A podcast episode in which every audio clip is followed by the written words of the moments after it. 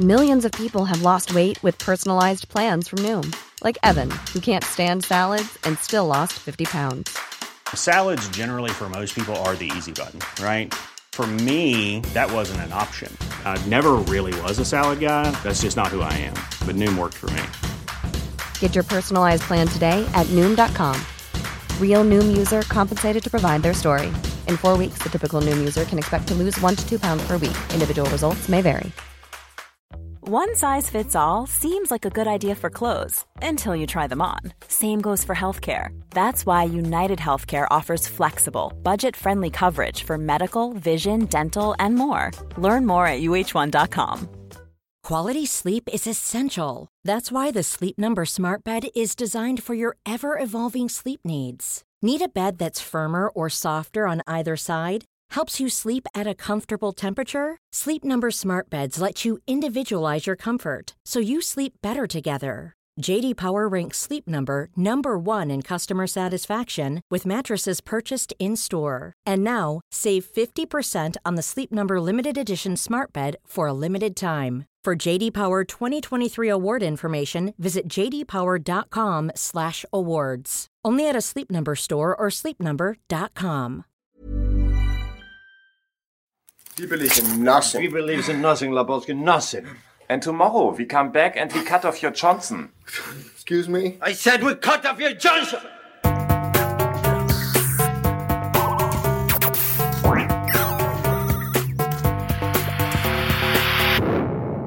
Velkommen til Sinnsyn. Jeg heter Sondre Risom Livre, er psykolog, og dette er Webpsykologens podkast. Hverdagspsykologi for fagfolk og folk flest.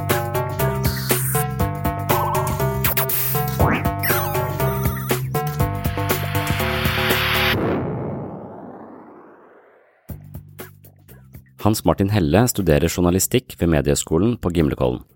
Han stakk innom kontoret mitt for å snakke om livssyn.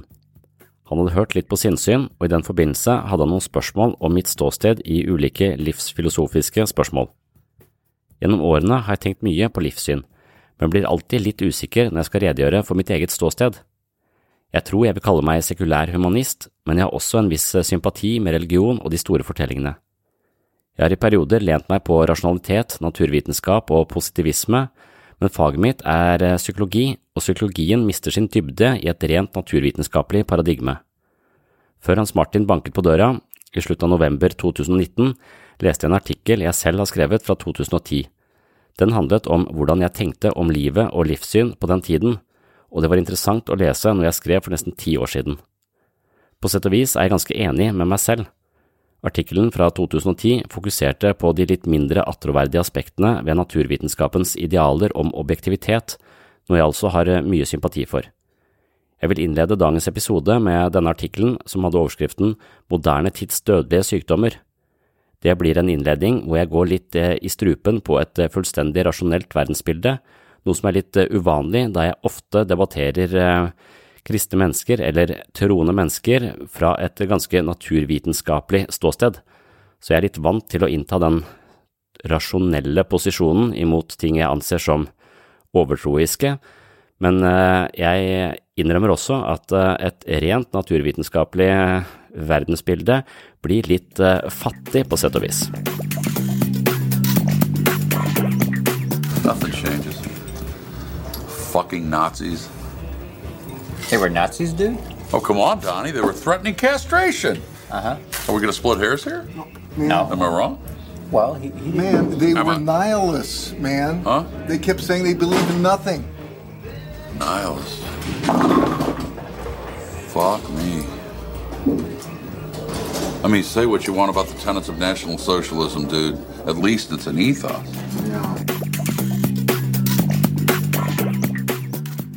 Opplysningstiden var en samfunnskritisk bevegelse i Europa på 1700-tallet. Dypest sett var det en åndsretning med tro på menneskets evner. Bevegelsen fremmet også renessansens humanistiske idealer i et samfunnsmessig perspektiv. Representanter for opplysningstiden jobbet for å avskaffe eneveldet, minske kirkens makt og fremme menneskerettigheter. Opplysningstiden er også nevnt i denne sammenhengen fordi den bygger på en tanke om at man gjennom opplysning, fundert på vitenskap og filosofi, kan oppdra bedre mennesker og skape et bedre samfunn. Opplysningstiden var preget av kritikk av den forhenværende dogmetro og fanatisme. Tenkerne i denne kategorien hadde ofte en bleknet og til dels svekket gudstro, noe som åpnet for kritisk refleksjon over ensporede religiøse doktriner. Det er ikke dermed sagt at alle representanter for opplysningstiden var ateister, men i denne epoken er religion i ferd med å miste sin status som suveren retningsgiver for menneskelige bedrifter.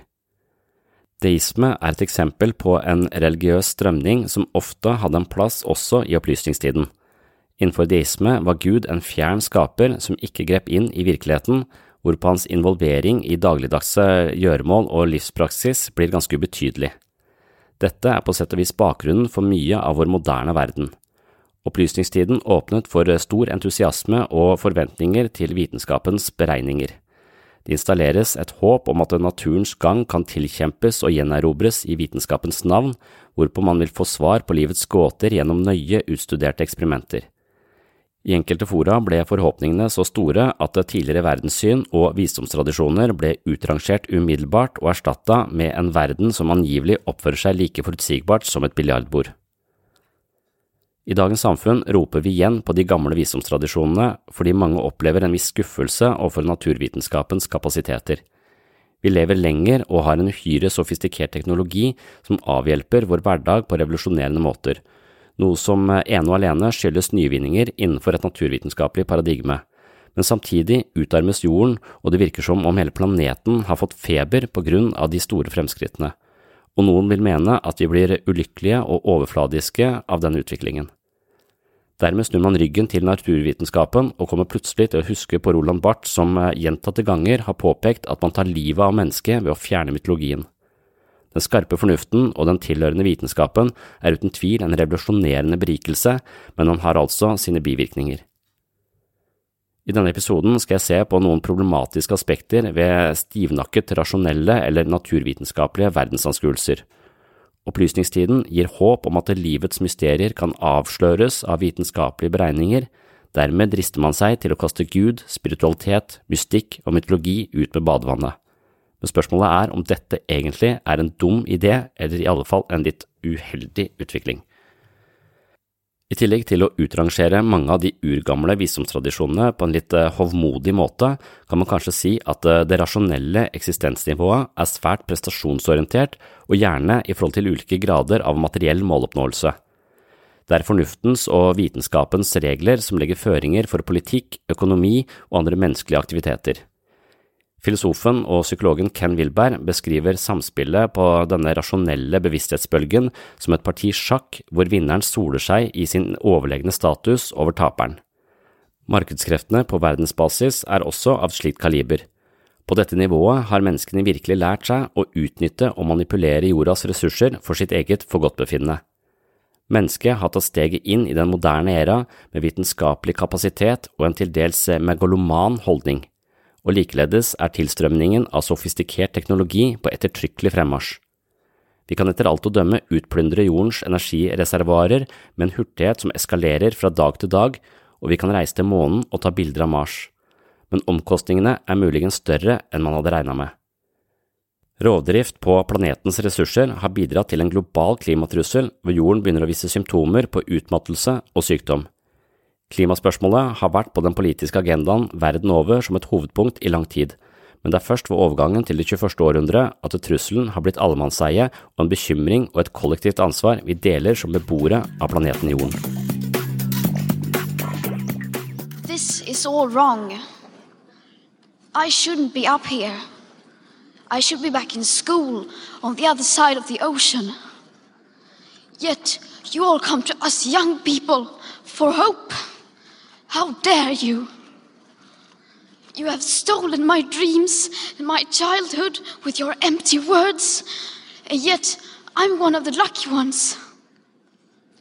People are suffering, people are dying, entire ecosystems are collapsing. We are in the beginning of a mass extinction, and all you can talk about is money and fairy tales of eternal economic growth. How dare you!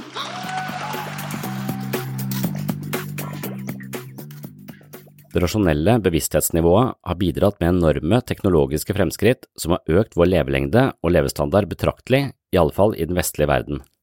Legevitenskapen har lagt 20–30 år på vår levetid i løpet av de siste 100 årene, og vi kan forflytte oss rundt på jordkloden i stor fart, noe vi også har tid til fordi teknologien har overtatt mange arbeidsoppgaver og gitt oss mer fritid. Vi har telefon, TV, datamaskiner, internett, elektriske tannbørster og mye mer takket være skrittet opp på det vitenskapelige eller rasjonelle eksistensnivået. Det er den skinnende siden av den moderne teknologiske medaljen, men baksiden er ikke fullt så pen. Jeg har allerede skissert noen potensielle katastrofer i kjølvannet av vitenskapelig progresjon, og jeg vil nevne noen til før jeg gir meg. Mitt neste eksempel er atombomben. Den franske forfatteren og regissøren Marcel Pagnol er kjent for sin advarsel mot moderne teknologi. Pass opp for teknologene, de lar livet begynne i et reagensrør og lar det dø i smellet av en atombombe. Dette alvorsordet er sannsynligvis berettiget, men hvem som lar hvem dø, er et vanskelig spørsmål. Atombomben er et resultat av menneskelige bedrifter med bevissthetskapasitet på et moderne og sofistikert vitenskapelig utviklingsnivå. Den avanserte tankegangen og intellektuelle kapasiteten som ble en mulighet på dette eksistensnivået, har materialisert seg i avansert mekanikk og teknologiske anordninger.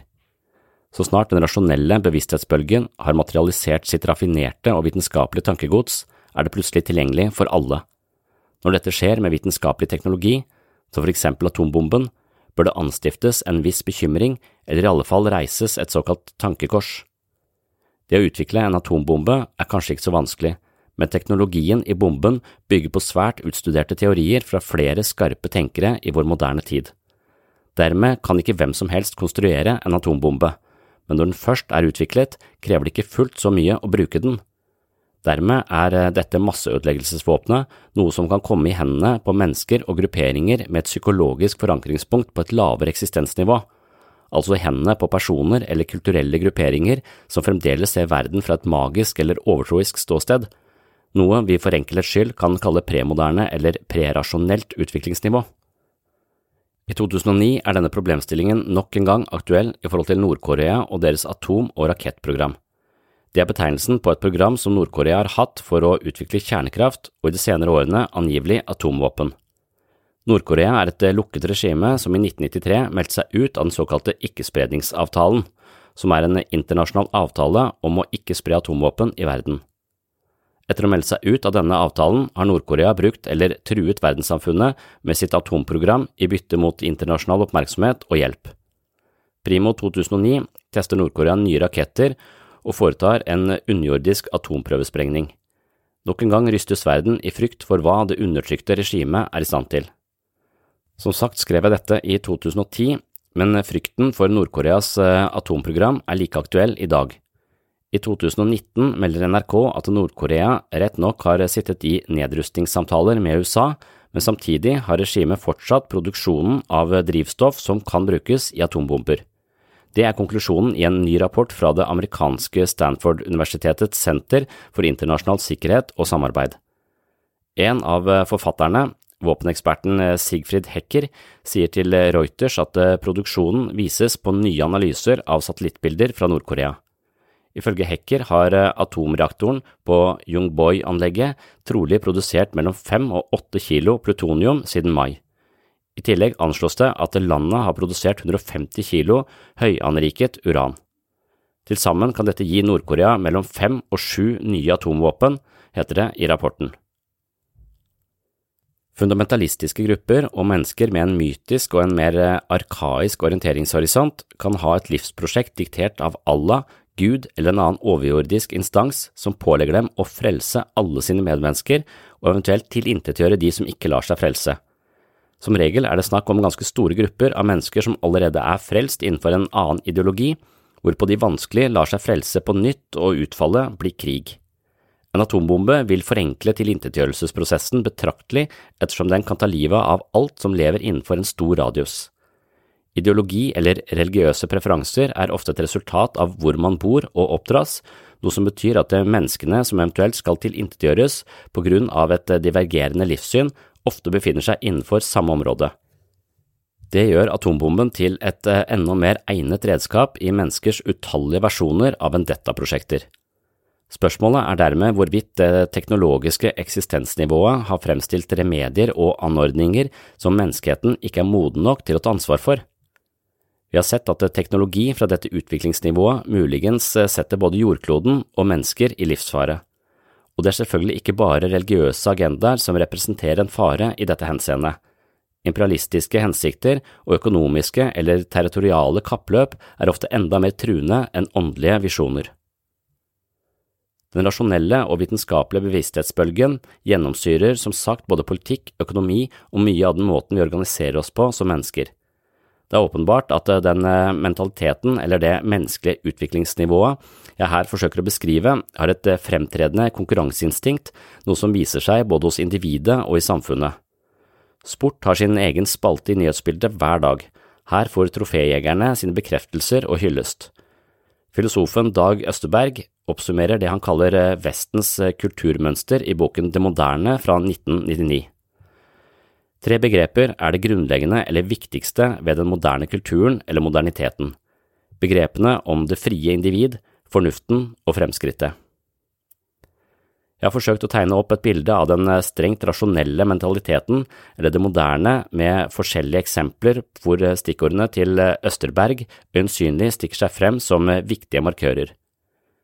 Det moderne refererer ofte til strømninger innenfor kunst og kultur. I denne sammenhengen er det en periodisk betegnelse på overgangen fra nasjonalromantikk til realisme.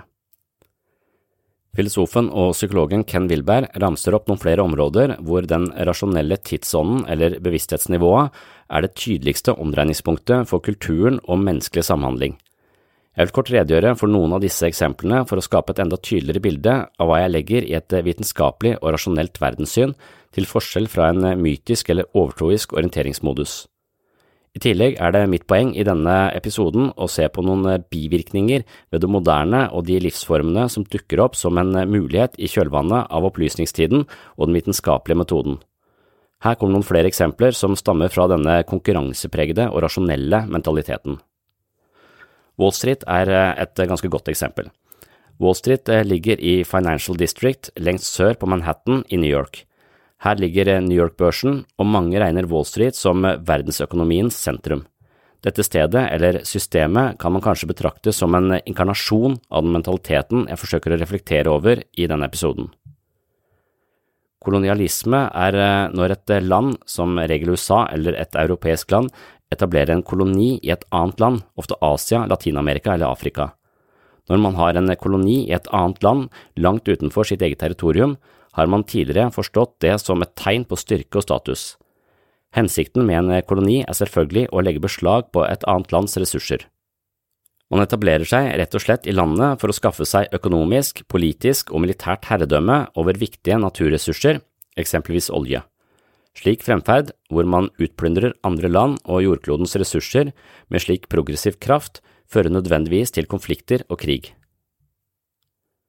Et eh, annet eh, ektefødt barn av eh, den mentaliteten, denne rasjonelle mentaliteten, er den kalde krigen.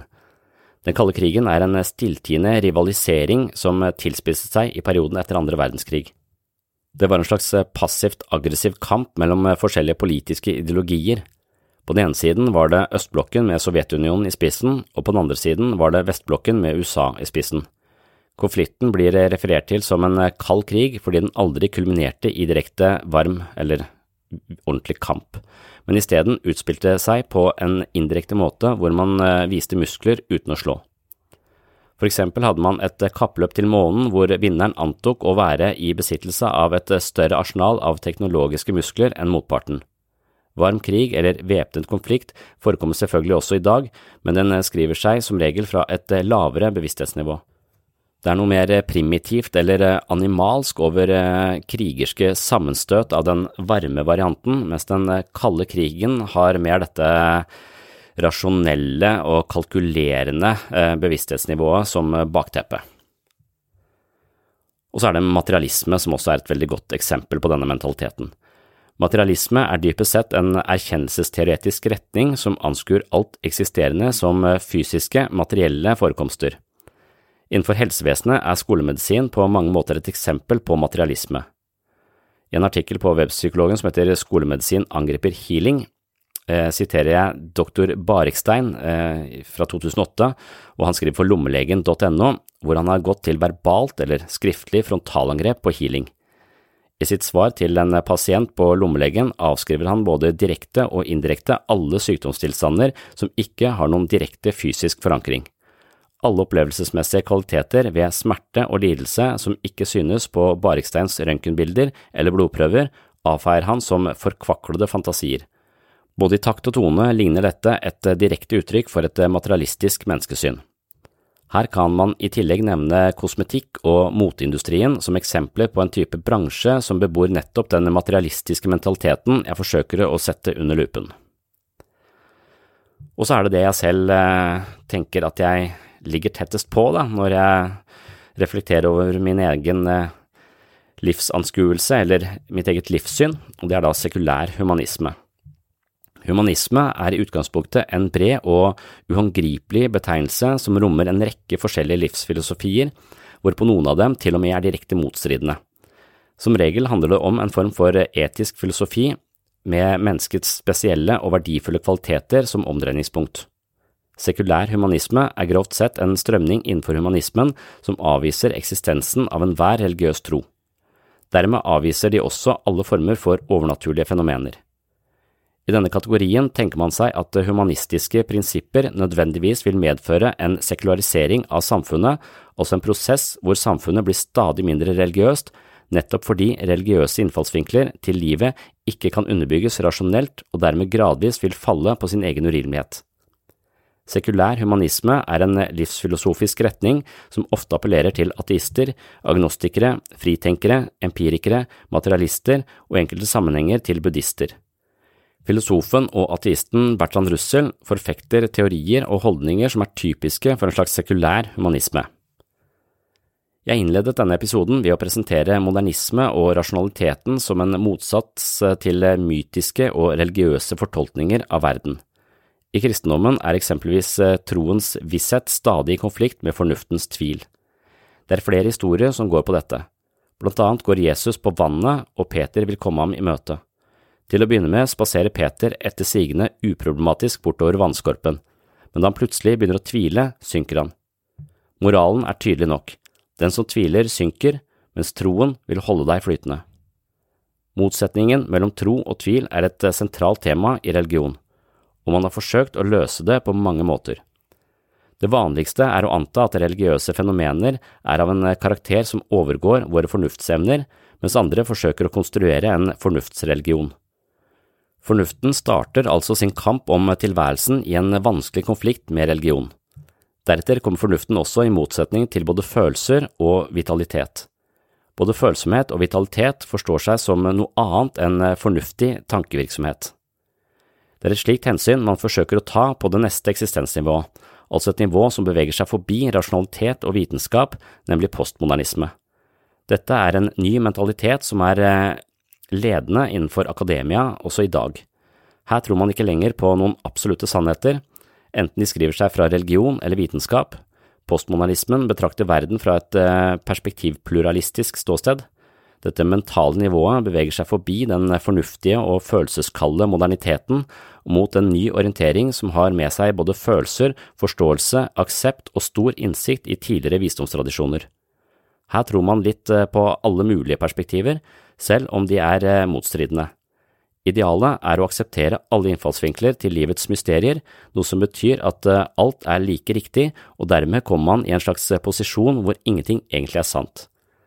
Det finnes ikke lenger noen sannhet, de store fortellingene er døde eller lever videre som eventyraktige mytologier, og individet kommer til en verden uten at det finnes noen forhåndsbestemte livsløp å lene seg til. Enkeltmennesket må velge sitt eget liv, og det blir ikke diktert av verken familietilhørighet eller andre autoriteter. Man er fri til å velge, noe som høres veldig flott ut, men også denne mentaliteten har sine bivirkninger. Postmodernismen avløser først og fremst troen på at man kan finne endelige sannheter i vitenskapen, og samtidig avviser man det foregående stadiet hvor man hentet entydige sannheter i religion og religiøse skrifter. Den problematikken som da dukker opp eh, i postmodernismen, har jeg diskutert i mange tidligere episoder under eh, disse valgets kvaler-fenomenene. Så vi lever i en tid hvor vi har eh, masse frihet, vi har masse muligheter, og vi står fritt til å velge mellom alle disse mulighetene. Og på sett og vis så gir det oss eh, handlingsrom, og det gjør at vi ikke er bundet av eh, like mange sosiale koder og føringer og familiære bånd, fordi at vi kan på en måte velge nye veier for oss selv. Samtidig så skaper det kanskje veldig masse angst og usikkerhet, fordi vi er på en måte ansvarlige for alle våre livspolitiske beslutninger. Det er ingen ytre føringer som kan styre oss i bestemte retninger, så alt vi gjør er vårt eget eh, ansvar. Så den friheten som da dukker opp, den er også forbundet med ganske mye usikkerhet og uro, og det er kanskje postmodernismens eh, hovedsymptom.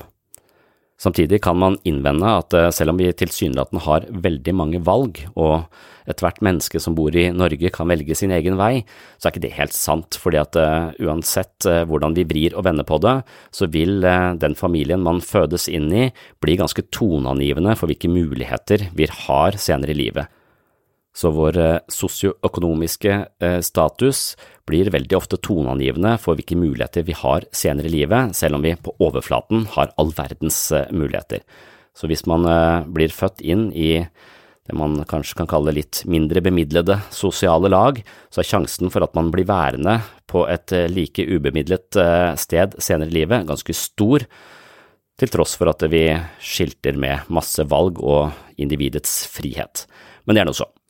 Det jeg ville snakke om eh, i begynnelsen av denne episoden, var altså dette rasjonelle eksistensnivået. Og man regner med at det rasjonelle og vitenskapelige eksistensnivået, eller paradigme, er det utviklingsmessige gravitasjonspunktet til omtrent 30% av jordens befolkning.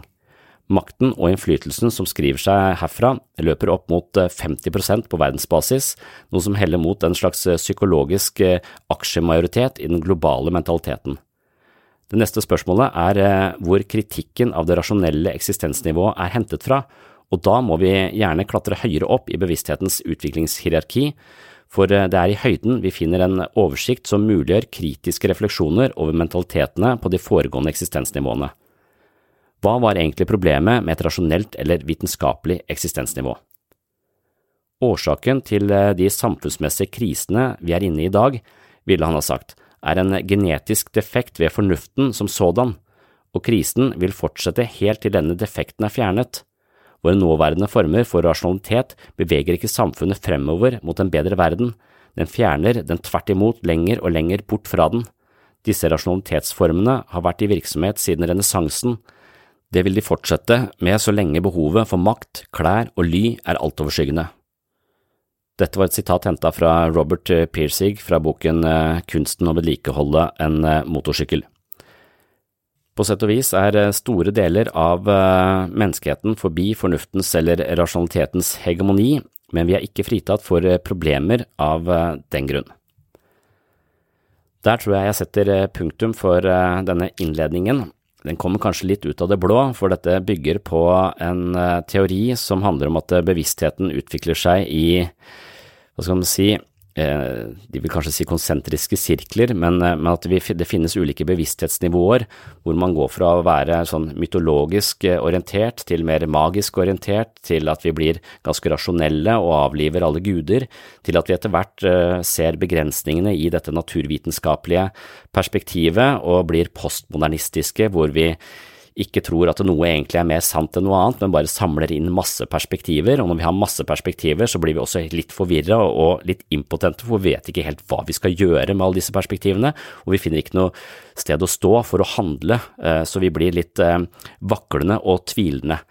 Og så er spørsmålet da om dette postmoderne nivået er menneskets siste intellektuelle stoppested, eller om det kanskje finnes noen nye nivåer som man kan kalle transpostmodernistiske, eller eh, ja, noe, noe, lignende, hvor man rett og slett klarer å bruke denne ansamlingen av masse perspektiver. Vi har forstått veldig mye, vi har lyttet til minoriteter, vi har forstått mange livsperspektiver og mange opplevelsesverdener, og ut ifra det så kan vi samle all denne kunnskapen til en, på en høyere sammenheng, hvor vi faktisk eh, kan bruke det til å pensle ut en god plan for eh, jorda som helhet og et mer eh, globalt perspektiv. For denne teorien har på en måte en iboende tanke om at mennesket hele tiden utvikler seg til mer og mer sofistikerte nivåer, men på hvert nivå så er det masse sykdommer og nye farer som dukker opp, og vi risikerer at disse sykdommene blir såpass alvorlige at vi tilintetgjør oss selv før vi rekker å komme opp på neste nivå.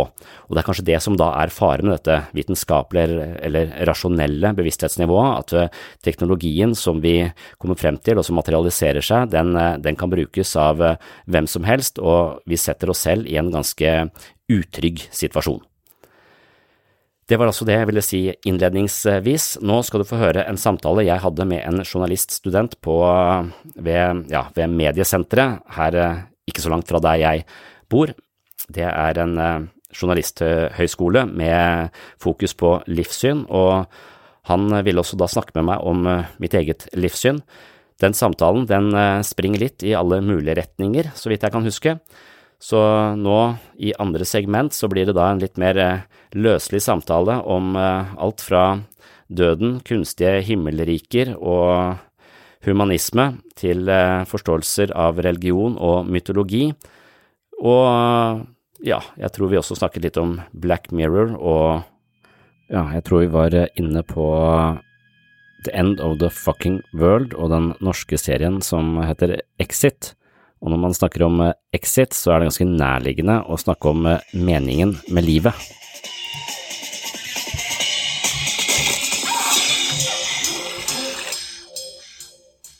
Hvor mye er du verdt nå, tror du? Som menneske? Nei, jeg skjønner hva du mener nå. Nei, ja Det er litt vanskelig å si. Kanskje 400, tror jeg. Eller kommer litt an på hvordan du regner på det. Hvis du Hvis jeg hadde solgt alt, så mye mer, men det er Det er egentlig uinteressant. Det som er interessant, det er jo å finne en grunn til å leve. Hvorfor det? Hvor gammel er du? 32. 32, ja. Du går sikkert rundt og har en jævlig masse drømmer, da.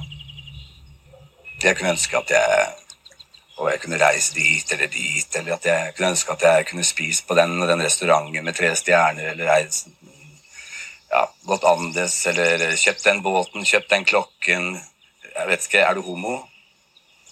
Nei. Ok, men da kunne du ligget med den supermodellen, da, for eksempel.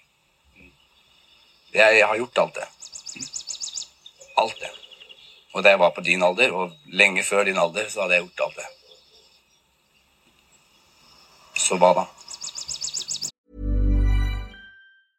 This is Paige, the co-host of Giggly Squad, and I want to tell you about a company that I've been loving, Olive and June. Olive and June gives you everything that you need for a salon quality manicure in one box. And if you break it down, it really comes out to $2 a manicure, which is absolutely insane. It's also so easy to get salon worthy nails at home with Olive and June. The difference between how your nails used to look when you did them yourself and now with the Manny system is a complete game changer. The best thing about Olive and June too is it's a quick dry, dries in about one minute, lasts for five days, and full coverage in up to one to two coats. Visit oliveandjune.com slash perfectmanny20 for 20% off your first system. That's oliveandjune.com slash perfectmanny20 for 20% off your first system.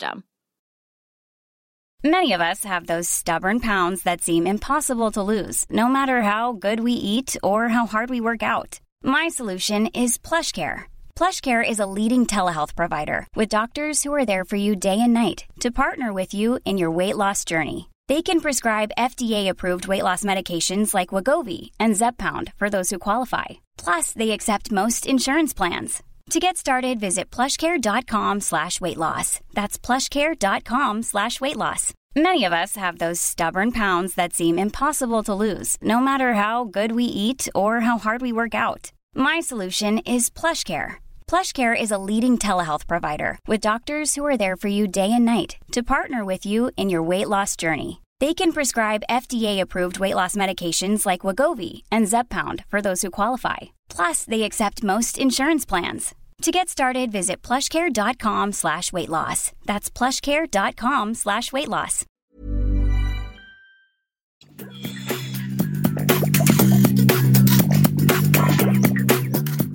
Bare begynne med å Hvis du vil fortelle litt først om deg sjøl, hva du driver med, og liksom eh, Den type psykologien Altså, ja, hvem du er, og hva du driver med og sånn. Ja, sånn Jeg jobba her i 14 år, tror jeg, nesten. Ok. I, med gruppeterapi. Eh, så jeg er ikke så mye på dette kontoret som vi sitter på nå. Men jeg, jeg er her når jeg møter nye mennesker også, som skal inn i gruppeterapi.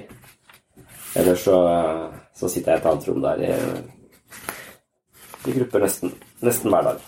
Okay. Så, sånn eh, Psykologi jeg var i utgangspunktet kanskje mest interessert i filosofi, men så, så var jeg jo litt usikker på hva jeg kunne bruke det til. Så, så syns jeg at eh, psykologi virka som tvillingen Ja. med en eh, klar eh, vei videre, liksom. Mm. Ja, altså, altså jeg syns psykologi er veldig interessant, jeg også, da. Og filosofi også. Så hadde jeg hatt bedre snitt, så jeg hadde, så hadde jeg kanskje valgt eh, psykologi. Men Ja. eh, jeg trives veldig godt med det jeg driver med nå også, da. Ja. Så, men ja, kan, du har jo også skrevet denne boken, journalist, nei, journalisten, psykologens eh, journal, som Ja. kom ut i fjor, var det i fjor oktober eller Ja. noe sånt. Mm. Så da, og, men kan du snakke litt om sånn, jeg hørte du snakket i en podcast du snakket med en som het Cecilie, Hoksmark, Ja, som var meningen- med liv, om Ja. meningen med livet er barn da. Og det, eh, sånn som du, sånn som du forklarte det, forklarte ikke du det at eh, det trenger jo selvfølgelig ikke å være barn, det kan jo være alt, alt du finner en tilhørighet i. Altså hvis du finner en, hvis du finner en gruppe som du identifiserer deg med, ikke det du Eller nå skal jeg ikke legge ordene i munnen, for Ja. kan, ikke forklare, kan du forklare litt om det? Ja, et eh, Bas. Hvis, hvis det er eh, Jeg vet ikke, nå, nå hørte jeg han eh, Einar Nei, hva heter han igjen? Han Bueengen Bøhn Nei, en, en filosof på, på UiA har skrevet en bok om hva som er mening med livet. Mm. Uh, jeg vet ikke om jeg fikk helt eh, tak i hva han, hva han mente, men det er vel en eller annen sånn type jeg, jeg, jeg tror ikke jeg tør å referere til han på det, men, men at, det, at, det, eh, at det er mening For det første så, så tenker jeg vel at, det er, at det mening er noe vi er nødt til å, å skape selv. Så, Mm. så det er vel det som er utgangspunktet. Ja, at det, jeg har ikke noe ferdig eh, meningsbærende rammeverk Mm. som, eh, som kan eh, hjelpe meg. Jeg tenker at det er noe jeg investerer i livet. Og jeg tror det har en slags eh, kreativ dimensjon. Jeg tror at det er en følelsen av å, å skape noe eller bevege noe i verden er det som gir livet mening. Og hvis vi opplever at det er meningsfulle bevegelser, så, så, er, det, så er det helt avgjørende. Ja. Da, da tror jeg ikke altså Jeg er absolutt ingen hedonist. Da. Jeg tror liksom at, at livet er eh, fullt av problemer, og, og det er meningsfullt å løse problemer. Hvis vi prøver å gå på veier som har minst mulig humpler, eh, og det er mest mulig lettest og mest mulig behagelig, så tror jeg vi betaler mer mening. Jeg tror at vi får, mindre mening eh, i, i livet. Så jeg er absolutt ingen hedonist. Jeg, jeg syns at uh, han derre free solo-fyren som driver og så klatrer i, i veggen der, Ja. han gjør det ikke veldig lett for seg sjøl. Nei. ikke. han, han har ekstremt høy risiko, ekstremt uh, høy vanskelighetsgrad, men også ekstremt dedikert. Så så jeg, jeg vil aldri drevet med noe sånt nå, men jeg, men jeg skjønner at han, han finner mening i å ikke gå, gå det motsatte av minste motstands vei, på en måte. Mm. Ja, altså jeg er egentlig stort sett enig i det, altså, det du sier med at det å, det å liksom velge de vanskelige veiene, det fører jo ofte til at du blir altså, en sterkere person, og så Ja. du lærer mer, du blir mer ansvarlig og sånn. Og ja, ser du det, du har jo Jeg har lest noen av de bøkene når du, så du Ja. har der oppe. Så det, det er jo det er jo Jeg ser jo det du har den der eh, 12 Rules for Life. Ja. Det er jo typisk eh, Ja. typisk Dr. Peterson. eh, Ja. Du snakker med om sånn her eh, Velge den vanskelige vei, eller velge den mest krevende veien, da. Ja. han snakker mye om, om nesten en sånn pliktetikk. Eh, og han er opptatt av at folk bør være mer opptatt av hvilke plikter de har, enn hvilke rettigheter. Ja. Eh, det uh, syns jeg det er noe i, da. Ja, og jeg- ser, jeg ser kanskje på meg selv som en slags sekulær humanist, og, og et livssyn vil vel innebære både en slags idé om hva moral er, og, og, og en slags sånn filosofisk dimensjon eh, også. Og, og litt i forhold til epistemologi, hva, hva tror man at man kan vite om, om ting? Og hvordan fremskaffer vi kunnskap? Hva er kunnskap? Sånne ting tror jeg vel kanskje ligger innbakt i et slags livssyn. Mm. Og da ligger jeg nok tettest på en, en, en humanisme, en sekulær humanisme. Mm. Og man bruker kanskje ordet sekulær fordi at eh, For hum, humanisme, du kan se på deg som humanist hvis du har studert eh, kunst eh, på universitetet. Ja. Så er du humanist. Så, så, og du kan like du kan jo- Da kan du være en kristen humanist, Mm. på en måte, men sekulær humanist betyr vel et slags, et slags livssyn. Som ikke baserer seg på religion, liksom. Som ikke baserer seg på religion, som er det Human-Etisk Forbund eh, ofte står, eh, Mm. uh, står for. Men jeg er ikke medlem der. Uh, og fordi at jeg er også litt uh, Jeg lurer på om det er såpass mye å hente i det religiøse. eller i kristendommen, f.eks., eller i de store fortellingene. Mm. Så jeg er ikke helt sikker på om postmodernismen tar livet av alle de store fortellingene er et sånt nødvendigvis veldig lurt grep. Ja, Så, så jeg liker det der eh, når, når Sam Harris Jeg har alltid liksom sett opp til Sam Harris, men han ryker uklar med Jordan Peterson på nettopp det spørsmålet om, om sannhet. Så heller jeg litt mot Jordan Peterson fordi at jeg syns det er et eller annet fornuftig i å si at det, det finnes en type metaforisk sannhet. Ja. Som ikke er fysisk sant, men som likevel er viktig. mm. ja sånn som fortelling om noe og For eksempel at, at den bebor en eller annen innsikt som kan være veldig god å ta med seg. Mm. Eh, Og at eventyr fungerer på den måten. At alle fortellingene våre, litt sånn som Harari snakker om Harari snakker om at vi har masse livsnarrativer. Mm. Og at vi, at vi ofte pendler mellom det ene og sier at eh, penger er jo den største narrativen vi har. Ja. Det hadde ikke penger Det er ikke egentlig verdt noe. Det er verdt noe fordi at vi forteller en historie om at penger er verdt noe, og vi er en, alle enige om denne historien. Med en gang folk ikke kjøper den historien, så er, så er penger verdiløst, og, og systemet kollapser. Så livet er bygd opp av denne typen eh, mytologier. Eh, så, så, og vi trenger kanskje noen, noen samlende mytologier. For hvis vi ikke har noen samlende mytologier, så er det liksom ikke noen farbar vei mellom oss. Mm. Eh, det er som at eh, limet forvitrer litt. At det ikke er noe Ja. connection der. Jeg, jeg, jeg, er vel, jeg er veldig enig, egentlig. Og det er det altså Selv om jeg ikke er religiøs sjøl, så ser jo Ja. jeg at religion er jo den tingen som Det beste limet for Altså det som bringer folk sammen, da. Ja. Altså, sånn, altså Det er jo ingenting, ingenting annet som har klart å bringe folk sammen sånn som religion har. Nei. Så det, er der, er- altså, det er jo det Du bør ikke bare rive ned alt. Bare Nei. for før du, før du har noe å erstatte det med, og noe som kan Ja. Ja, fungerer som et alternativ til, Ja. til det. Og jeg tror eh, Harari er veldig skeptisk til religion, så, så jeg er ikke sikker på at det er de beste fortellingene. Men vi må kanskje da skape noen nye eh, globale fortellinger som vi kan, eh, som vi kan bru, bruke. Og det, det tror jeg, Det vet jeg ikke hvordan man skal gjøre. Nei, det, det, det, altså, det der jeg er litt sånn altså, altså Jeg liker jo Sam Harris, jeg syns jo han har mye, men når han sier liksom det der altså Sånn som denne kjente, den mest kjente TED-talken hans, når han sier du snakke, altså, du kan finne moral ut av vitenskap og Nå, Ja. nå går jeg over på moral, men Ja. så er jo det at jeg føler jo det at du kan, du kan på en måte finne sånne mellom de mest to ekstreme, altså absolutt godt og absolutt vondt, så kan du finne en viss Så er det jo lett å finne en viss middelvei. Ja. Altså, altså det han snakker om er den best, verst tenkelige eh, tilværelsen mot den kontra den best tenkelige værelsen. Men når det kommer til med, bare med sånne eh, vanlige etiske svar Har du eksempel Jeg så den faktisk nå rett før intervjuet. Har du sett denne NRK-serien Exit? Ja. Har du sett den? Ja. Ja. Den tar jo Jeg følte iallfall den tok veldig for seg litt sånn her eh, eh, Altså Det er jo en veldig sånn her nihilistisk serie på en måte, da, men litt sånn Ja, hvis de, hvis de kommer unna med det, så er jo liksom Ja. Sånn som jeg, I podkasten din også, jeg ser du hører, hører du mye, bruker mye um, bruker mye sånne sitater fra sånn komikere og sånn. Sånn Ja. Louis C.K. Og, Ja. og Det er jo litt sånn her å ta det på spissen og litt sånn her Men sånn som han sier hvis, Sånn som Louis C.K. sier Hvis du kommer unna med mord, er det da egentlig Er det da egentlig gale? Ja. Altså, det er jo Det er sånne ting. Jeg føler ikke at det kan på en måte løse Altså, det finnes ingen alternativ til en religion som kan løse det ennå, da, iallfall. Jeg vet ikke.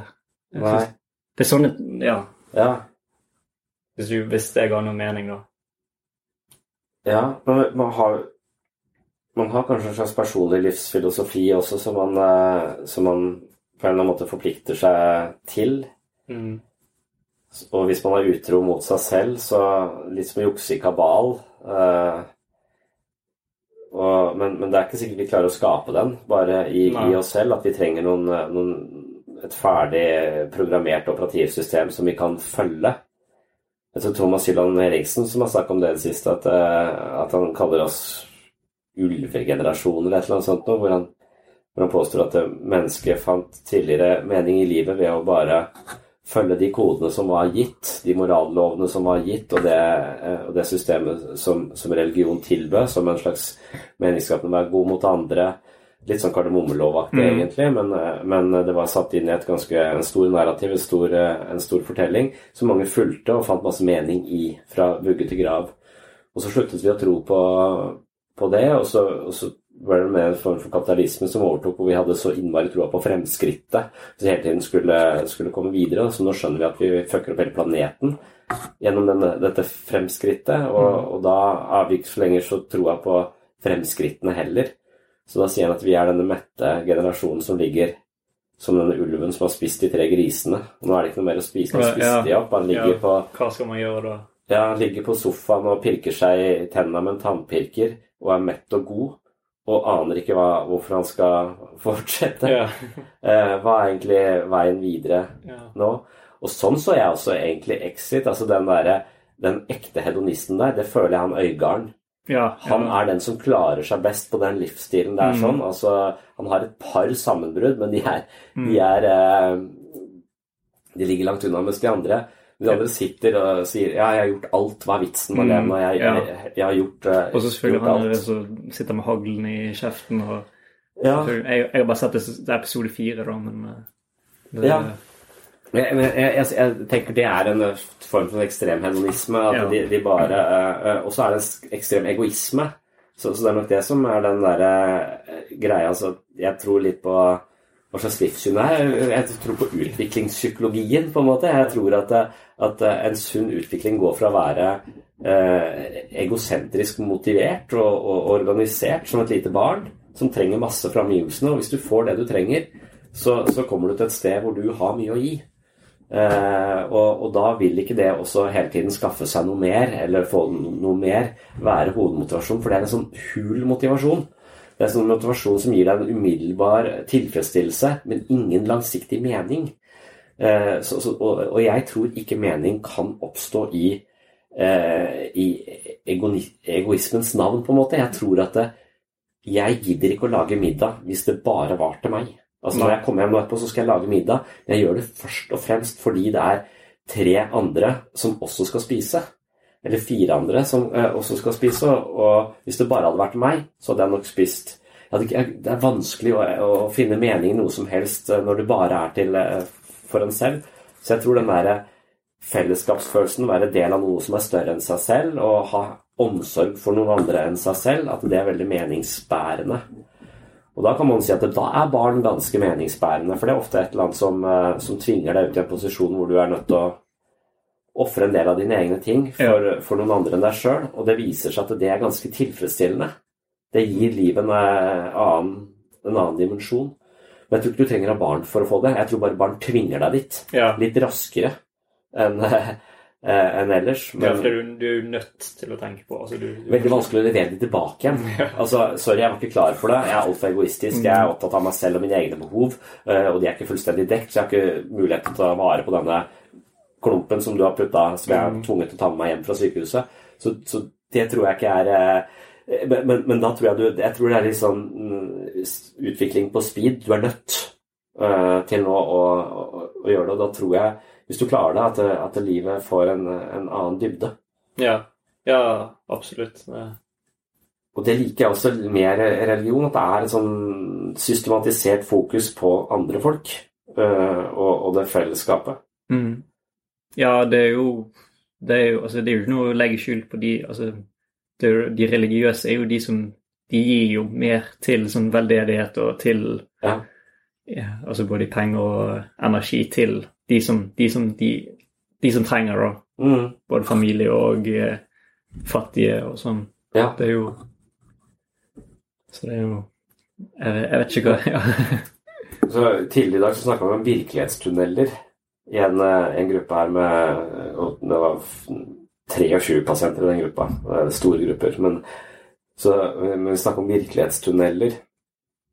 Og, og, og jeg opplever vel at, at, det som er problematisk med når jeg har vært i disse små frikirkelige menighetene, så, så syns jo jeg at virkelighetstunnelen deres er litt lukka. Altså, det er utrolig mye bra der med det, med det hjelpsomme. De har større, en større mening med livet. Det er veldig mange fine De får veldig mye der.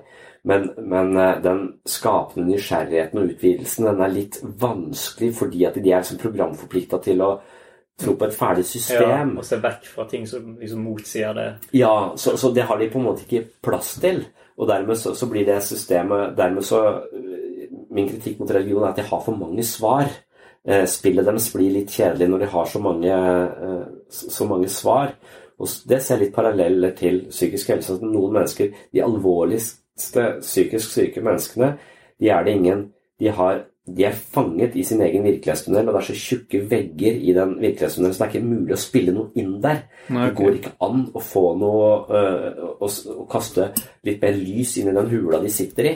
Fordi at de, de, de, later som om de følger med, men de, egentlig så er de bare fanget i sitt eget hode. De, vil, de tar ikke inn noe. Ja, de setter liksom skylapper på Ja, ekstreme skylapper, ja. skylapper på. Også, men så er det så, så, det et menneske må gjøre for å, for å bevege seg, er jo å våge å og, og, la andre få lov til å komme med kaste noen innspill inn i den virkelighetstunnelen de sitter i, som en slags eh, lommelykt hvor du går inn og lyser litt rundt og ser at dette rommet er større enn akkurat den lille flekken jeg sitter på. Mm. Det ser jeg på som selvutvikling. Så hvis folk har døra på gløtt, er interessert i å se på en måte jeg tenker og føler og handler på, kan kanskje være eh, noe jeg har lagt til meg fordi jeg alltid har blitt kritisert, og, så at det er mulighet der til å utvide denne virkelighetstunnelen. Men det er så tungt arbeid, så veldig mange mennesker kommer hit og vil ha det bedre, men de vil ikke endre seg. Nei. De vil ikke se på seg selv på noen som helst måte. Og jeg skjønner det, for jeg, jeg, jeg, føler det er litt som med den PC-en som står der, den der Mac-en der. Den Mac-en, Hver jævla gang jeg skrur på den Mac-en, så spør den uh, vil du oppdatere. Jeg har masse oppdatering tilgjengelig. Så sier jeg nei. Minn meg på det i morgen. Det har jeg gjort i tre år. Minn meg på det i morgen. Så jeg, jeg, nekter å oppdatere. Og jeg vet ikke hva jeg er redd for. Bare, det passer aldri. Jeg vil ikke Ja. Litt det samme tror jeg det er med, med Du er akkurat midt i et prosjekt eller noe sånt, og så er det vil du oppdatere noe som bare Ja. Nei. Ja, men i, i tre år Det har aldri passa for meg på, på tre år å oppdatere den PC-en. Og jeg tror det er litt den samme aversjonen folk har mot å utvikle seg i terapi. da, Og utvikle virkelighetstunnelen sin, og så begynne å undersøke hvordan vet vi at det vi tror om oss selv, er sant. Uh, og, og min holdning der er jo at det er som regel ikke sant. Ja. I hvert fall så har du misforstått det ganske kraftig, for det er 2000 andre faktorer også som er medvirkende til at du tenker akkurat sånn om deg selv, hvis du visste bare om to av dem. Så, så, så, og da må du på en måte oppgradere systemet. Du må begynne å programmere deg litt annerledes. Du må ta hensyn til den nye informasjonen. Du må åpne verden din for nye innspill. Og da utvides denne, denne tunnelen du sitter i. Men det blir også skummelt, for det er uvant. Uh, og jeg, ikke, jeg frykter at PC-en krasjer hvis jeg gjør det. Ja, det Uh, eller at den Ja, det er ubeleilig, så jeg er lat. Samt den frykten for at det krasjer, samt det faktum at det nå fungerer. Selv om det ikke fungerer optimalt, så kan jeg leve med den fungeringa som ja, er. ja, det er liksom det, ikke, det der gamle amerikanske uttrykket med 'if it ain't broke, don't fix it'. Ja, det er litt sånn. Og, og, og det tror jeg er en veldig dårlig holdning å ha overfor sitt eget indre liv. Altså, Så lenge parforholdet fungerer, så trenger vi ikke å snakke om de tingene som er vanskelig. Eh, og det er å gå minste motstandsveien. Og det å ikke oppdatere er også for meg litt minste motstandsvei, selv om jeg veit at det, da dauer PC-en. Det er en måte Mm. å drepe PC-en på. Ja. Det er en måte å drepe meg selv på, hvis jeg, hvis jeg holder på på den måten. Så jeg ønsker jo sånn I forhold til livssynet mitt, så ønsker jeg altså ser jeg på meg selv som en, en sekulær humanist, også i den forstand at jeg tror at jeg hele tiden er nysgjerrig på å forstå nye ting og villig til å endre synspunkt hvis det kommer data som, eh, som peker meg i nye retninger. Så, så jeg på en måte jeg, jeg, jeg, er sånn, ønsker å være litt rasjonelt orientert i forhold til at det, det, det, jeg, jeg er klar over at vi aldri kan vite noe Jeg tror sannheten er tilgjengelig, på en måte, men jeg tror at Ja. sannheten er noe vi kan komme nærmere og nærmere. Jeg tror ikke vi nødvendigvis tangerer vi får, vi får Uansett hva vi mener å vite, så er det filtrert via operativsystemet vårt, og det har forandra litt på det. Mens de vitenskapelige metodene er der for å gjøre det så objektivt som mulig, selv om de også vil forstyrre bildet bitte lite grann. Men det går an å komme så nærme som mulig, og det må vi strebe etter. Å komme nærme, så nærme virkeligheten og en, en, en Og det handler egentlig bare om å ha så godt belegg som mulig for det man tror på. Og hvis det viser seg at det man har trodd på, ikke stemmer overens med ny data, så må vi modifisere det vi tror på. Og det er en spennende prosess. Det er meningsfullt å være i den bevegelsen hvor man hele tiden er parat til å modifisere, for det er en vekst i det.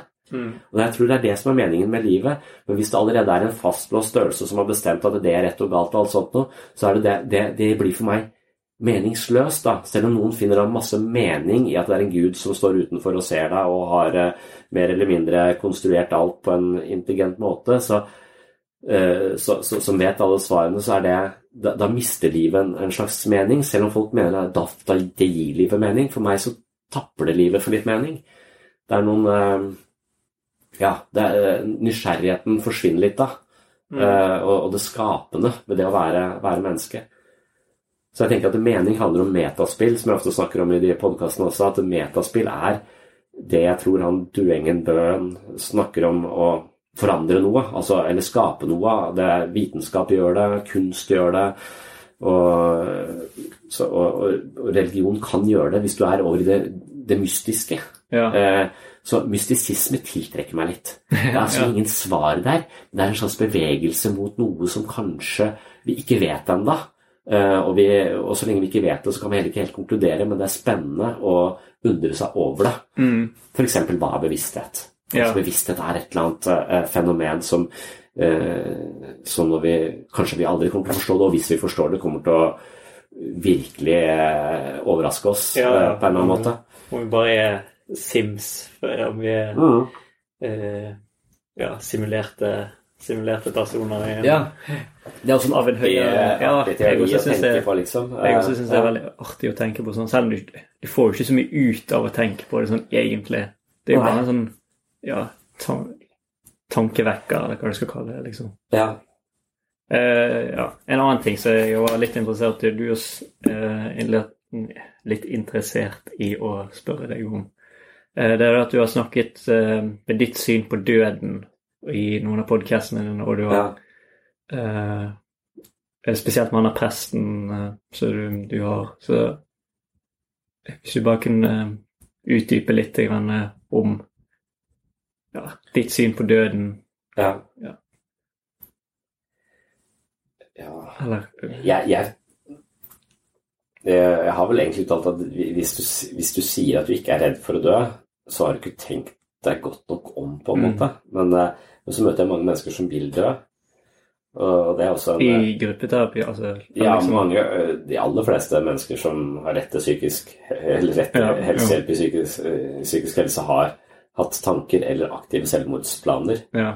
Så det er noe så, Og da er spørsmålet hvordan man betrakter det. Noen, noen opplever lidelsen som så omseggripende at de ser ikke noen vei ut. Men, men for meg så er det som regel Min holdning til det er at de er fundamentalister i sitt eget liv. At de, de de sitter i en virkelighetstunnel som har såpass smal og snever, med såpass mange vonde erfaringer, men, men ikke så mange vonde erfaringer at det ikke er muligheten til å se litt annerledes på ting, eller oppleve noe, noe annet enn sånn de opplever det. Mm. Så, så jeg tenker at det er vår oppgave å prøve å gi det en lommelykt, så vi kan lyse litt rundt og se noen andre veier ut av dette, dette mørket. Ja. Eh, så, så, så det, mens, mens andre har døden som en slags nødvendig snarvei. Eh, og det ser jeg på som Hvis ting blir helt uutholdelig, så, så kan vi jo bare dø. Ja. Og det er, det er akkurat som å være et hus med nødutgang. Det er litt trygt at det er nødutganger på hotellet. Eh, for da kan de på en måte slippe unna, og døden kan kanskje være en slags nødutgang i livet, da, som folk er nødt til å ha der. Så hvis man blir altfor sånn opptatt av at folk ikke må ha selvmordsplaner, så, så er den, kan du gi dem en sånn type livsklaustrofobi som egentlig er litt øh, vond å leve med. Så man må kanskje akseptere at folk trenger den der nødutgangen, Ja. og trenger å gå av og til rundt og så åpne og kjenne ja, den er åpen, det er mulig, og, Mm. mulig så de nærmer seg den eh, innimellom. Ja, det er jo sånn sett, det er jo det, jeg hørte du, du viste jo til et klipp fra denne Netflix-serien Afterlife med Ricky Ja, Gervais. ja, ja. Jeg så jo den for noen måneder siden også. Det er jo veldig altså Selv om det er litt sånn her eh, dyster og eh, morbid serie, så det var jo Ja. veldig, det var jo veldig bra serie. Det var jo en veldig uh, Altså, du, du sitter igjen med litt sånne tanker og Ja. filosof, filosoferer litt. Bare sånn Ja. Han er konkluderer vel på samme måte som det nesten er mulig å ikke konkludere på den måten at det er med en gang han våger å investere en eller annen betydning i et annet menneske, at, at livet hans får en form for mening igjen. Ja. For det er den der lidelsen gjør deg så isolert, lidelsen gjør deg så selvsentrert, og, og det er liksom i påkoblinga eh, på andre mennesker, interessen og, og innlevelsen i andre mennesker, det er liksom der eh, ja, det har vi snakket om mange ganger også, at, at, det, at eh, han eh, ja, En bok som heter 'Emotional Success', at det, at det viser seg at de menneskene som, eh, som har mye takknemlighet og innlevelse i andre mennesker, empati for andre mennesker, det er de som lykkes best. For det, det å lykkes i livet, det handler om å holde ut, men hvis du holder ut bare for din egen del, sånn som de gutta i Exit altså Motivasjonen deres er veldig sånn selvsentrert. De har for lite omtanke for de folka som er rundt seg. Ja. Eh, De har kanskje en viss omtanke for hverandre innad i denne lille Ja, de har denne lille ulveflokken sin. liksom. lille ulve, ulveflokken, men, men de, de, de bryr seg så lite om partneren sin, f.eks., Mm. og, og barn. Bar, ja, ja, og, og, så at, det, eh, så, så at det, det, det prosjektet de har om å bli Jeg vet ikke hva livsprosjektet var i utgangspunktet å bli rik, da. Og Ja. gjøre akkurat hva du ville. Det smaker, det er, det smaker så lite. Mm. Eh, og det blir så Du venner deg sånn til det, og det, så det er sånn hedonistisk tilpasning-aktig som de, de får. Så, så det er nok i å ofre seg for andre eh, og, og det, det relasjonelle, at man ofrer noe for et annet menneske, at det er der den virkelige betydningen ligger. Og det er også der vi finner en annen type motivasjon som er mye større enn bare oss selv. For hvis det er bare meg og mitt liv, og at jeg skal bli så rik som mulig, så, uh, så tror jeg du våkner opp helt tom innvendig på et eller annet tidspunkt. Uh, mens når, når du skjønner at det er sånn tøysete livsprosjekt som egoet ditt lurer deg til fordi du har en uh, underskudd og en sånn narsissistisk måte å være på som gjør at, det, gjør at livet blir egentlig fattig. Du blir rik, men fattig. Uh, og, og det tror jeg Ricky Garvey på en måte veit om. Det er derfor Ja. han lager den Ja, jo, jo. eh, serien. Selv om han er liksom folkesky. jeg tror han har tenkt mye gjennom akkurat det der, men ja, Ja. han er jo ja, han er jo sånn folkesky, som du sier. Han liker jo egentlig ikke andre mennesker, sier han veldig sånn tydelig. eh, Men på annen side så virker han etter hvert som om han kanskje også tines litt. da. At han blir litt varmere, at han bryr seg litt, eh, litt mer. At det er litt mer sånn at han bare tøffer seg nå. Altså at han har en litt sånn dypere forankring i andre folk. Mm.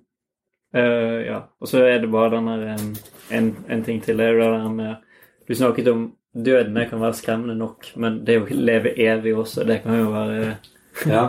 veldig skremmende, det også. Ja. Det, jeg leste et, Det er noen år siden, men jeg leste en artikkel Jeg tror det var illustrert vitenskap da jeg var i militæret. Men da sto det der at uh, Nå har jeg ikke sett Black Mirror, jeg har, sett, jeg har sett et par episoder, men da sto det der at innen 2045 så hadde mennesker muligheten til å laste opp sin bevissthet på en datamaskin. da. Ja. Og da tenkte jeg liksom, det første jeg tenkte bare Det virker jo dritskummelt å bare være stuck på en datamaskin, eller i, for evigheten, liksom. Du Ja. er oppe i en sky resten av, eh, Ja. resten av din eksistens. Ja. Og, ja, jeg hørte du snakket litt om det når du snakket med han der presten også, bare sånn um, At det Ja. Men det er jo liksom den samme den samme ideen som eh, som kristne har, er det ikke det? Liksom det er bare en, samme, en, litt annen Jo, Så det er, dette er sånn transhumanistiske ideer som har mer tiltro til Men de er det samme, samme prosjektet. Mm. Ja, det er For- den oppe i himmelen i all evighet. Ja. Mm. Og så er et eller annet som tiltrekker meg ved eller den eh, Den eh, ideen, altså at det fins noe som jeg ikke, Der vil jeg si jeg er bare agnostisk, men jeg vet ikke om det fins noe som er eh, som er eh, ikke-materielt eller metafysisk, som, som faktisk eksisterer på, på en måte. Og det gjør det jo for språket vårt. eksisterer jo et konsept. Hvor er det egentlig? Det er jo ingen steder. Det er bare, det er bare noe ja, En ja, ideer, Så, så noen ganger så tenker jeg litt på meg selv også som en slags ånd i en maskin. Jeg, jeg har en sånn dualistisk oppfattelse. Eller noen ganger så Hvis kroppen min svikter meg, så tenker jeg det er bare der, det er litt som om bilen svikter meg, på en måte. Eh, som om at eh, jeg skal kunne Jeg er noe mye mer enn denne skranglete kroppen jeg plutselig har blitt plassert inn i. Så man kan ha en sånn følelse av en slags Mm. dualisme. Eller, eller en slags ønsketenkning om det, kanskje. Så hvis jeg da For jeg vet jo at jeg, jeg kan jo være hvor som helst når jeg drømmer. Da er kroppen min helt i, i ro.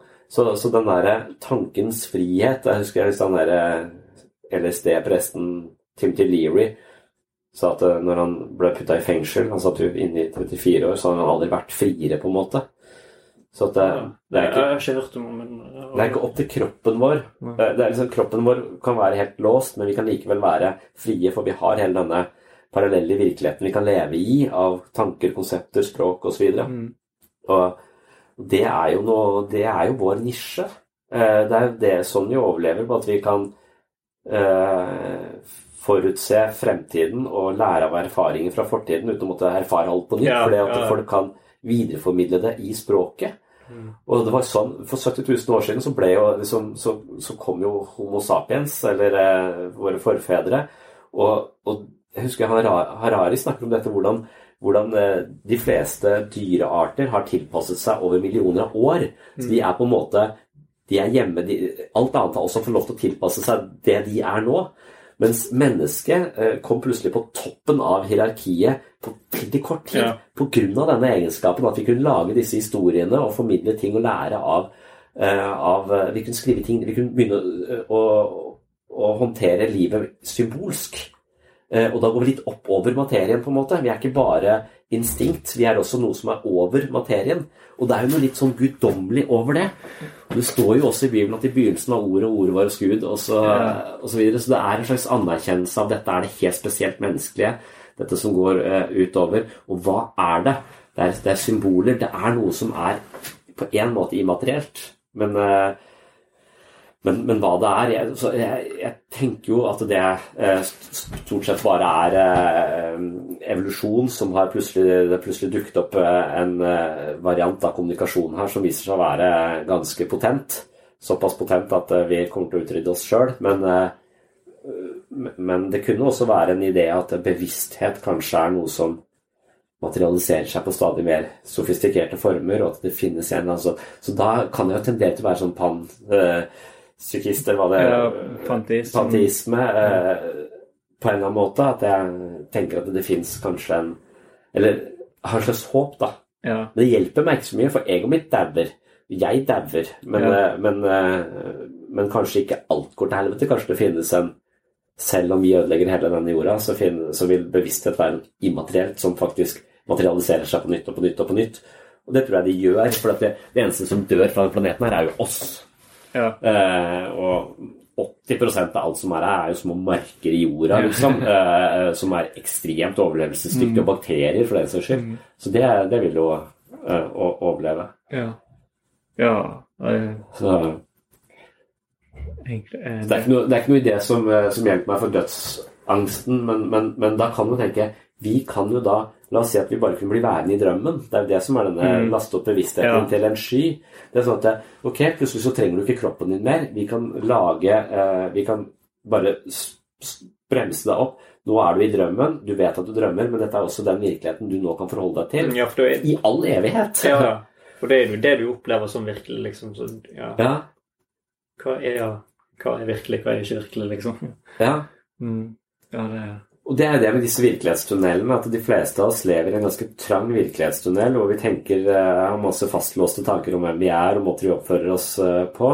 Og de som har meditert lenge, f.eks., de sier at det, det å plutselig skjønne at dette sosiale selvet som jeg driver og pynter på og skammer meg over og er redd for å møte andre fordi jeg er redd for at de ikke skal like meg osv., alt det der, det der sånn, det er jo bare et, et, spillfekteri i min egen Det er et operativsystem, en kulturelle føringer som er lagt inn i meg, som egentlig er helt meningsløst. Og når de skjønner det, eh, så, så, er det som å våkne fra en vond drøm. Ja. Den sosiale angsten de alltid ja. gikk rundt med. Ja, det er bare eh, Det var som å våkne fra Nå mm. skjønner jeg at det, dette ego trenger ikke alle andres berømmelse. Jeg trenger ikke hele tiden å tilpasse meg hva jeg tror andre forventer at jeg mm. skal være. Jeg kan bare være meg selv. Eh, og, og, når de skjønner det, så er det noen opplever det som en sånn øyeblikks uh, eureka. Som wow, ja, nå skjønte jeg det. Er ikke det altså buddhistene og hin, er ikke det som er at når de oppnår nirvana Det er jo det, det er jo ja. de liksom blir vekket fra den Ja. ja. Men, men, det virker som om de blir vekket uh, gradvis. Uh, det er veldig få som har sånne plutselige åpenbaringer. og jeg tror ikke de heller havner i nirvana der. Jeg tror bare de de havner på et sted hvor det er mye bedre å være. Hvor dette egoet ikke trenger å kjempe så mye. Det er ikke konkurranse med omgivelsene sine mer. Og det som skjer med de da, er at de får mye høyere emosjonell intelligens, de får en mye høyere eh, grad av takknemlighet, ja. og de får en mye høyere grad av medfølelse for andre mennesker. Altså alle de faktorene som vi vet korrelerer med et meningsfullt og godt liv, og lite sykdom. Det vi tilstreber i psykologi, er det munkene får til i meditasjon veldig ofte. Det er i hvert fall mm. helt klare det er vel fordi de avslører at den virkelighetstunnelen jeg har levd i, den er så jævla full av føringer og angst og usikkerhet og, og krav og sånn, som egentlig er helt random plassert inni hodet mitt, og, og føringer jeg egentlig ikke trenger å, å forholde meg til. Mm. Ja, altså, du sa takknemlighet. Takknemlighet er vel noe av det som vi nå i det, iallfall spesielt i den vestlige verden, har, er ikke har så mye av, da, med tanke på hva vi mm. burde hatt, med tanke på hva vi Ja. Altså alt det sånn, sånn som vi lever, liksom. Ja. Det er jo Og det, det tror jeg så, det er så, er så stort tap å glemme takknemlighet. Mm. altså av de øvelsene altså Det er sånn selvhjelps, uh, Opptatt av selvhjelp, så er det takknemlighetsøvelser som gir personlig meg mest effekt. Og jeg opplever også tilbakemelding fra andre som virkelig prøver det, at det har mest effekt. For, og, og, og, det er også det jeg finner igjen i disse religiøse menighetene. At de takker jo Vi takker for maten, ja. vi takker for det, vi takker for det. De takker hele tiden. Mm. Så det var voldsomt å takking. Ja, eh, men, men, etter hvert når du skjønner eh, hvor viktig det er, så, så, så tenker du at ja, dette, dette, dette Ja, det ligger noe i det. Liksom. Det ligger noe i det. Mm. Det er ikke tatt helt ut av, av, av det blå. Nei, sist, jeg, sist jeg takket for maten, så var jeg i barnehagen og jeg gikk i en sånn kristen menighetsbarnehage. Ja. Liksom. Men det er jo nå, nå, når jeg er blitt eldre, så bare tenker jeg sånn her ja, Det var jo ganske ja. De, liksom satt jo ganske gode, altså, gode grunnprinsipper i akkurat det med å bare være takknemlig, liksom. Ja. Så, ja. Spennende å tenke over. Ja. Og det, det tror jeg ikke de gutta i Exit vet Nei, nei. Hva er? Det, det, tror jeg, eh. det tror jeg er et tema også, det at de, de ikke er takknemlige i det hele tatt. Eller ja. for det Altså Når vi tenker på alt de har kone, de har barn, de har jo ja. selvfølgelig store herskapshus, liksom. Det er jo, ja. det er jo Men uh, Og de setter ikke pris på noe av det? Nei. Ikke ungene sine engang. Ja. nei, det Det er jo det de, det de kaller en kyniker, er en som vet prisen på alt, men ikke verdien av noe. Mm. Og det, det, kan virke som om det er det de ja, ja, det var iallfall det, det, det jeg fikk ut av det. Altså, Jeg likte jo serien veldig godt. Jeg, synes, jeg likte den også kjempegodt. Ja, fantastisk serie. Ja. For det, er jo egentlig, så, det er jo egentlig sånne film, filmer og serier jeg, lik, jeg, liker å se. Det var, jeg likte, jeg vet ikke om du har sett den her um, nye filmen Joker, den med ja. han Hva kan den hete? Phoenix. Joaquin ja. Phoenix. Ja. Den gikk jo også veldig mye på det der Når de setter fingeren på sånne eksistensielle spørsmål som nihilisme og sånn. Det er jo det, ja. ja synes den var, den var jo selvfølgelig veldig, veldig mørk, da, men uh, ja. Ja. Ja. Ja, den var, han spiller godt. Han, du ser hele draget i ansiktet hans. Ja. Han, han, lever seg inn i disse karakterene. Ute leser man, det viser seg at han han ble, han ble vegetarianer som treåring eller noe, og så faren drepe en fisk eller et eller annet sånt. Så, sånn at han, han har nok en sånn veldig sterk følelse for ting. Altså han mangler litt filter, kanskje. Mm. Eh, og hvis du mangler så mye filter, så kan du gestalte ganske mange følelser veldig bra, men jeg tror du lever litt hudløst. Jeg tror sjansen for å bli deprimert eller eh, for å få virkeligheten for tett på, da. Ja. Vi trenger jo et slags filter mot, uh, mot virkeligheten, Mm. og det mistenker jeg at han mangler. Derfor tror jeg det er ganske vanskelig å være han. Ja, ok. Eh, jeg, vet han, jeg vet han kommer fra en sånn litt sånn spesielt sånn hippiefamilie eller noe sånt. Ja. Så jeg tror han har litt sånn spesiell oppvekst. da, men... eh, Ja, det kan hende. Ja. Neida, nei, men jeg egentlig bra Snakke om film. Det er egentlig et bra sted å ende, ende intervjuet, syns jeg.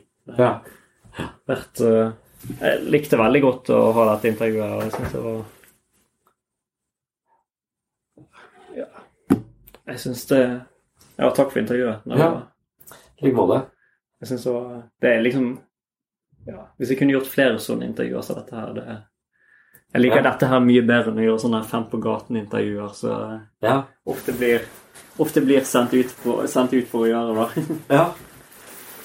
Men det, det, som, det som hadde vært en, en idé, hadde jo uh, sånn Det ville det, det vi gjorde i stad, det vi gjorde nå Mm. Nå var det bare jeg som snakka så mye, men det er akkurat det samme jeg gjør med uh, pasienter. Uh, det jeg kaller biblioterapi, hvor vi har hørt en podkast eller lest en artikkel, og så snakker vi på denne måten Mhm. om det, og så prøver vi å se det fra så mange I stad snakket vi om virkelighetstunnelen, vi snakket også om, om Clockwork Orange eh, ender ofte i denne Stanley Kubrick-filmen oh, ja, ja. fordi det er en, en, eh, en tanke om at det, hva hvis vi bare kan spise en pille og få det bedre? Mm. Eller hva hvis Og det kan vi jo for så vidt i Ja, altså. har jo piller som får deg til å føle deg bedre. Eller hvis du bare kan ta antabus, øh, eller hvis du har et alkoholproblem, istedenfor å kvitte seg med ditt eget alkoholproblem og eie tilfriskningsprosessen, så kan du ta antabus, og du blir dårlig hver gang du, du ja. drikker. Er det, er, det, er, det et, er det et medisin som er liksom Ja, det er en medisin oh, som bare gjør deg dårlig når du får, det, når du får alkohol i deg. Sånn at du vil ikke Vil du assosiere det med å være dårlig? liksom? Ja, det samme som de gjør med, med han eh, han Og han liker bare han Alex i Clockwork Orange liker bare vold og voldtekt og sånn, og så, og så vil jo da eh, rent sånn mekanisk lære han bort fra det ved å også initiere et eller annet stoff i kroppen som gjør ham kvalm hver gang han ser det. Ja. Og da er spørsmålet er det hva, hva, hva, hva slags menneskesyn er det? Hva Mm. gjør det med mennesker? Hvis vi bare kan fungere som biler vi kan reparere, Mm. hva mister uten, vi? uten å faktisk reparere Ja. psyken eller det Ja. intellektuelle. Det er et eller annet med å bare reflektere over sånne, eh, sånne ting, og da begynne å tenke på at jeg tar medisiner. og Veldig mange sier jeg har det mye bedre, men jeg er usikker på om det er medisin eller meg. Mm. Hva er egentlig Ja, du har ikke lært når du bare Nei, men kanskje medisin gir deg en posisjon hvor du faktisk kan lære. Jo. Eh, Men da tror jeg et åtte så er de liksom usikre på eier jeg denne forandringen eller denne Mm. forandringen. Hvis jeg hadde tatt disse Ja. medisinene, ville jeg bare gått rett tilbake til eh, Ja. alkoholismen eller Ja. Ja. Så det er mange, mange sånne etiske Så den typen intervjuer du liker å lage, den, in- den typen samtale tror jeg folk gjerne vil ha. Ja, ja. Det- Og, det, og så tror jeg ikke det er noe, noe rom for det. Eller jeg tror det er få steder Kanskje biblioteker kunne hatt det. Kanskje Ja. kunne hatt sånne lesesirkler hvor man diskuterte den typen Mm. eh, spørsmål. Ja. Det tror jeg hadde vært godt for folkehelse, Det- og kanskje et alternativ til bibelgruppa. ja, det, det tror jeg også.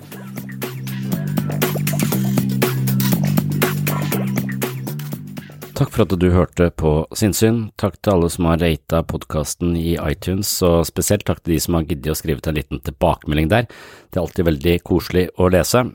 Jeg tror også kanskje det er den, eh, de tilbakemeldingene som eh, ansporer eh, folk som er på jakt etter nye podkaster, til å undersøke sinnssyn.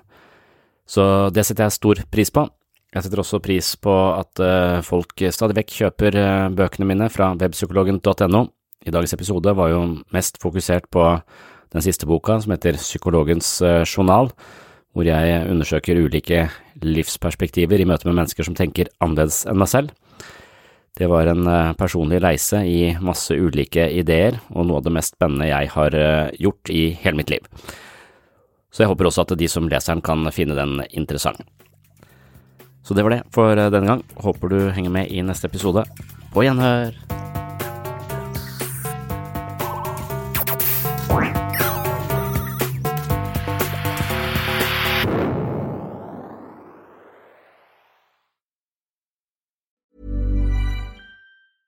Even when we're on a budget, we still deserve nice things. Quince is a place to scoop up stunning high-end goods for 50 to 80% less than similar brands. They have buttery soft cashmere sweaters starting at $50, luxurious Italian leather bags, and so much more. Plus, Quince only works with factories that use safe, ethical, and responsible manufacturing. Get the high-end goods you'll love without the high price tag with Quince. Go to quince.com slash style for free shipping and 365-day returns. Ever catch yourself eating the same flavorless dinner three days in a row? Dreaming of something better? Well, HelloFresh is your guilt-free dream come true, baby. It's me, Kiki Palmer. Let's wake up those taste buds with hot, juicy pecan-crusted chicken or garlic butter shrimp scampi. Mm. Hello Fresh. Stop dreaming of all the delicious possibilities and dig in at HelloFresh.com. Let's get this dinner party started. Even when we're on a budget, we still deserve nice things. Quince is a place to scoop up stunning high-end goods for 50 to 80% less than similar brands. They have buttery soft cashmere sweaters starting at $50, luxurious Italian leather bags, and so much more. Plus, Quince only works with factories that use safe, ethical, and responsible manufacturing. Get the high-end goods you'll love without the high price tag with Quince. Go to quince.com slash style for free shipping and 365-day returns.